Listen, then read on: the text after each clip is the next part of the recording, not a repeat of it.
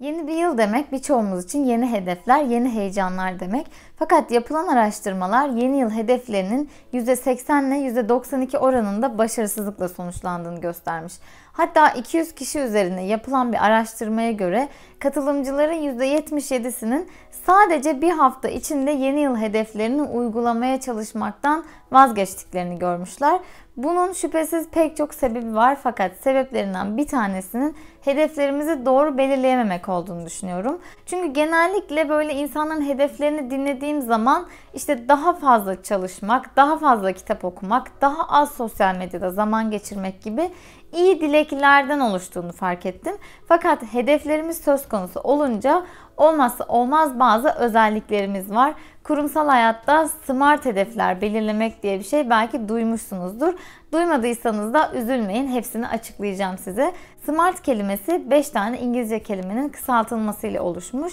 Buna göre hedeflerimiz spesifik, ölçülebilir, ulaşılabilir, makul ve zamana bağlı olmalı.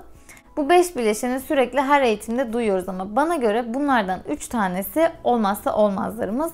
İlk olarak hedeflerimiz spesifik olmalı. Yani şöyle bir hedef olmaz. Ben kendimi daha fazla geliştireceğim diye bir hedef olmaz. Hangi konuda kendini geliştirmek istiyorsun? Fotoğraf çekme konusunda mı? Yemek yapma konusunda mı? Dikiş dikme konusunda mı? Hatta bunu bile mümkün olduğunca spesifikleştirmek lazım. İşte doğa fotoğrafçılığı konusunda mı kendini geliştirmek istiyorsun? Ürün fotoğrafı mı çekmek istiyorsun? Ne bileyim yemek konusunda pasta mı pişirmek istiyorsun? Yoksa gurme yemekler mi? Mezeler mi? Neler? Yani olabildiğince detaylandırmaya ve olabildiğince somut tutmaya çalışın hedeflerinizi.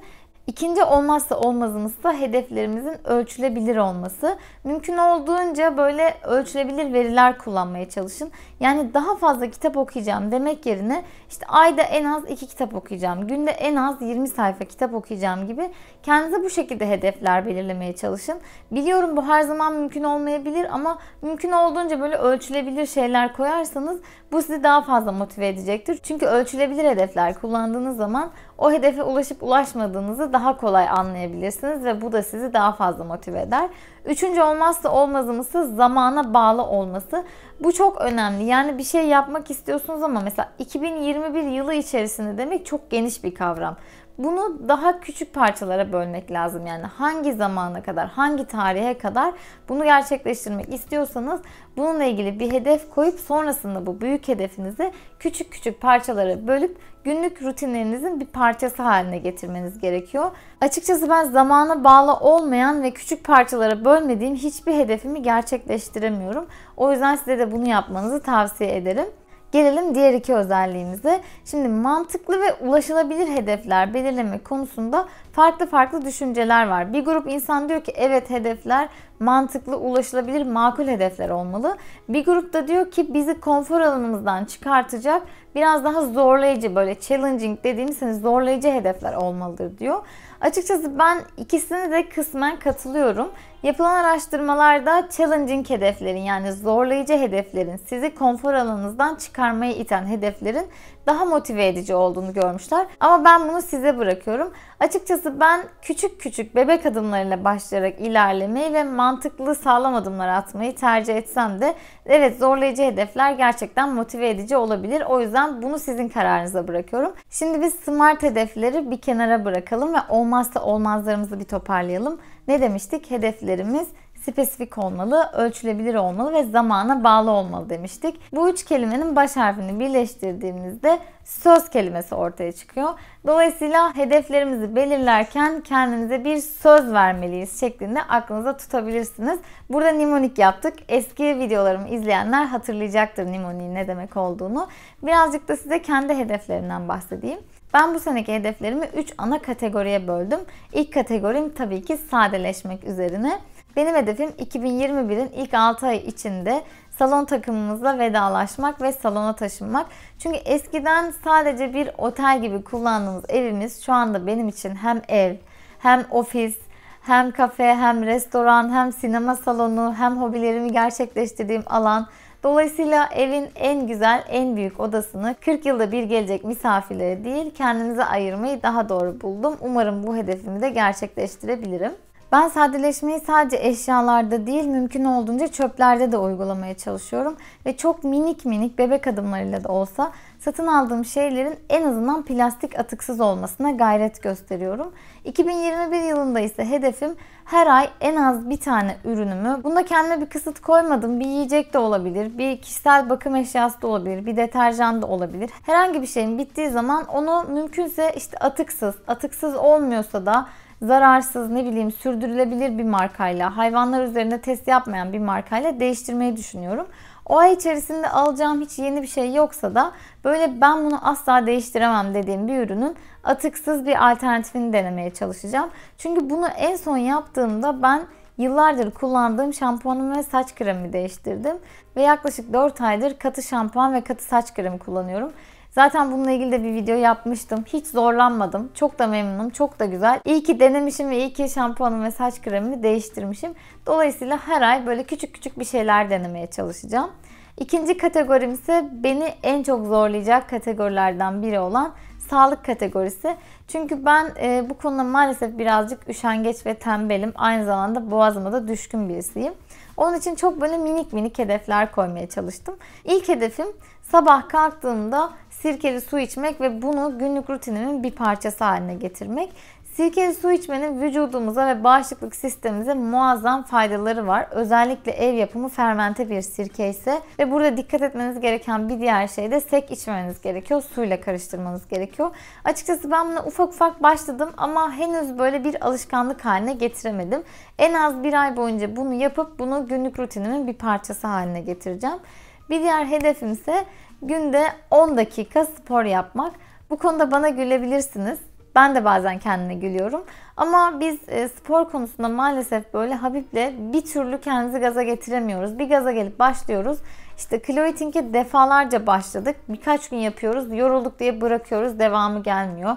Böyle bir hevesle başlıyoruz. Tekrar bırakıyoruz. Ve daha sonrasında ne yapabiliriz diye düşünürken Chloe Tink'in böyle basit yapabileceğimiz videolarından bir tanesini bulduk. Ve dedik ki spor yapmak bizim böyle hayatımızın bir parçası haline gelene kadar Sadece günde işte en fazla 10 dakika 15 dakika bu videoyu yapmaya ayıracağız. Bu arada bu konuyla ilgili ilham aldığım bir makale var. Onu da sizinle paylaşmak istiyorum.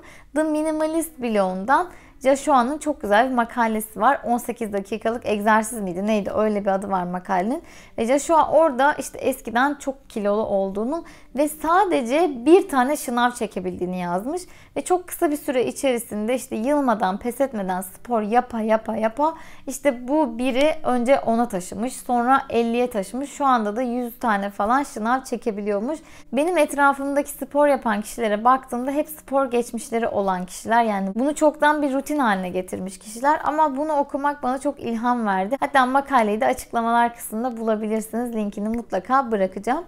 Bir diğer hedefim ise bir aylığına işlenmiş şekeri bırakmak.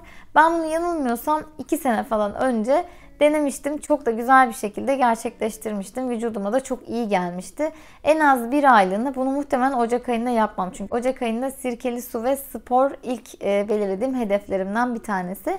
Muhtemelen Şubat, Mart gibi planlıyorum.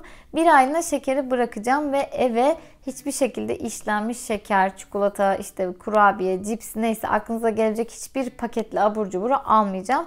Bunun yerine Kuru meyveler ve kuru yemişlerle bu ihtiyacımı gidermeye çalışacağım. Sağlıklı yaşam kategorisiyle ilgili son bir hedefim daha var. Açıkçası bu hedef benim öyle bir karşıma çıktı ki mutlaka rutinlerime eklemeliyim dedim. E, bu videoyu hazırlarken YouTube'da Defne Samyeli'nin bir videosunu gördüm. İşte Okan Bayülgen'in programına konuk olmuş ve orada yüzüne böyle yıllardır bir takım egzersizler yaptığından bahsetmiş. Çok detaylı izlemedim ama büyük bir ihtimalle yüz yogasından bahsettiğini düşünüyorum. O yüzden hemen Yoga'da Yoga hesabını e, Zeynep Şensoy'u takibe aldım. Oradan kendime şöyle basit birkaç tane hareket belirleyeceğim ve onları da günlük rutinimin bir parçası haline getireceğim dedikten sonra son kategorimiz tabii ki kişisel gelişim kategorisi. Bu kategoriyle ilgili ilk hedefim şaşırmayacağınız üzere kitap okumakla ilgili. Her hafta en az bir tane kitap okumayı hedefliyorum.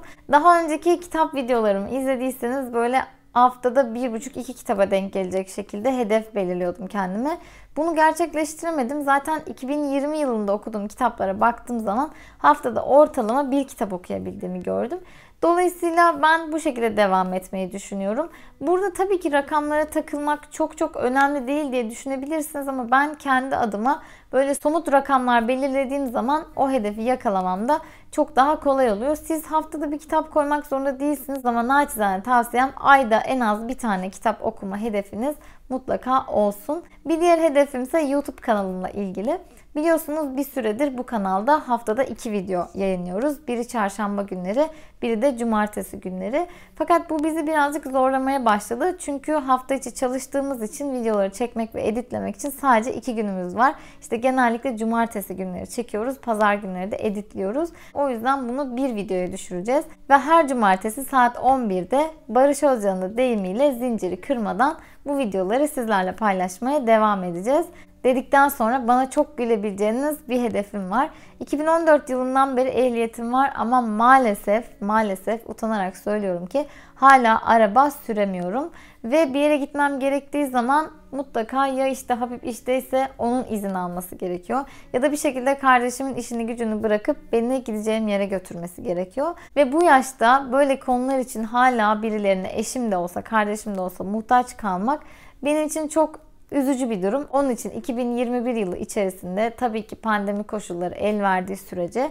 şöyle ilk çeyrekten sonra yani Mart-Haziran e, ayları arasında işte şöyle havalarda güzelleştikten sonra araba sürme konusunda pratik yapıp sene sonuna kadar da tek başıma yola çıkacak kadar araba sürebiliyor olmayı hedefliyorum. Siz de hedeflerinizi yorumlar kısmında benimle paylaşırsanız çok memnun olurum. Videoyu beğendiyseniz beğen tuşuna tıklamayı ve kanalıma abone olmayı lütfen unutmayın. Bir sonraki videoda görüşmek üzere.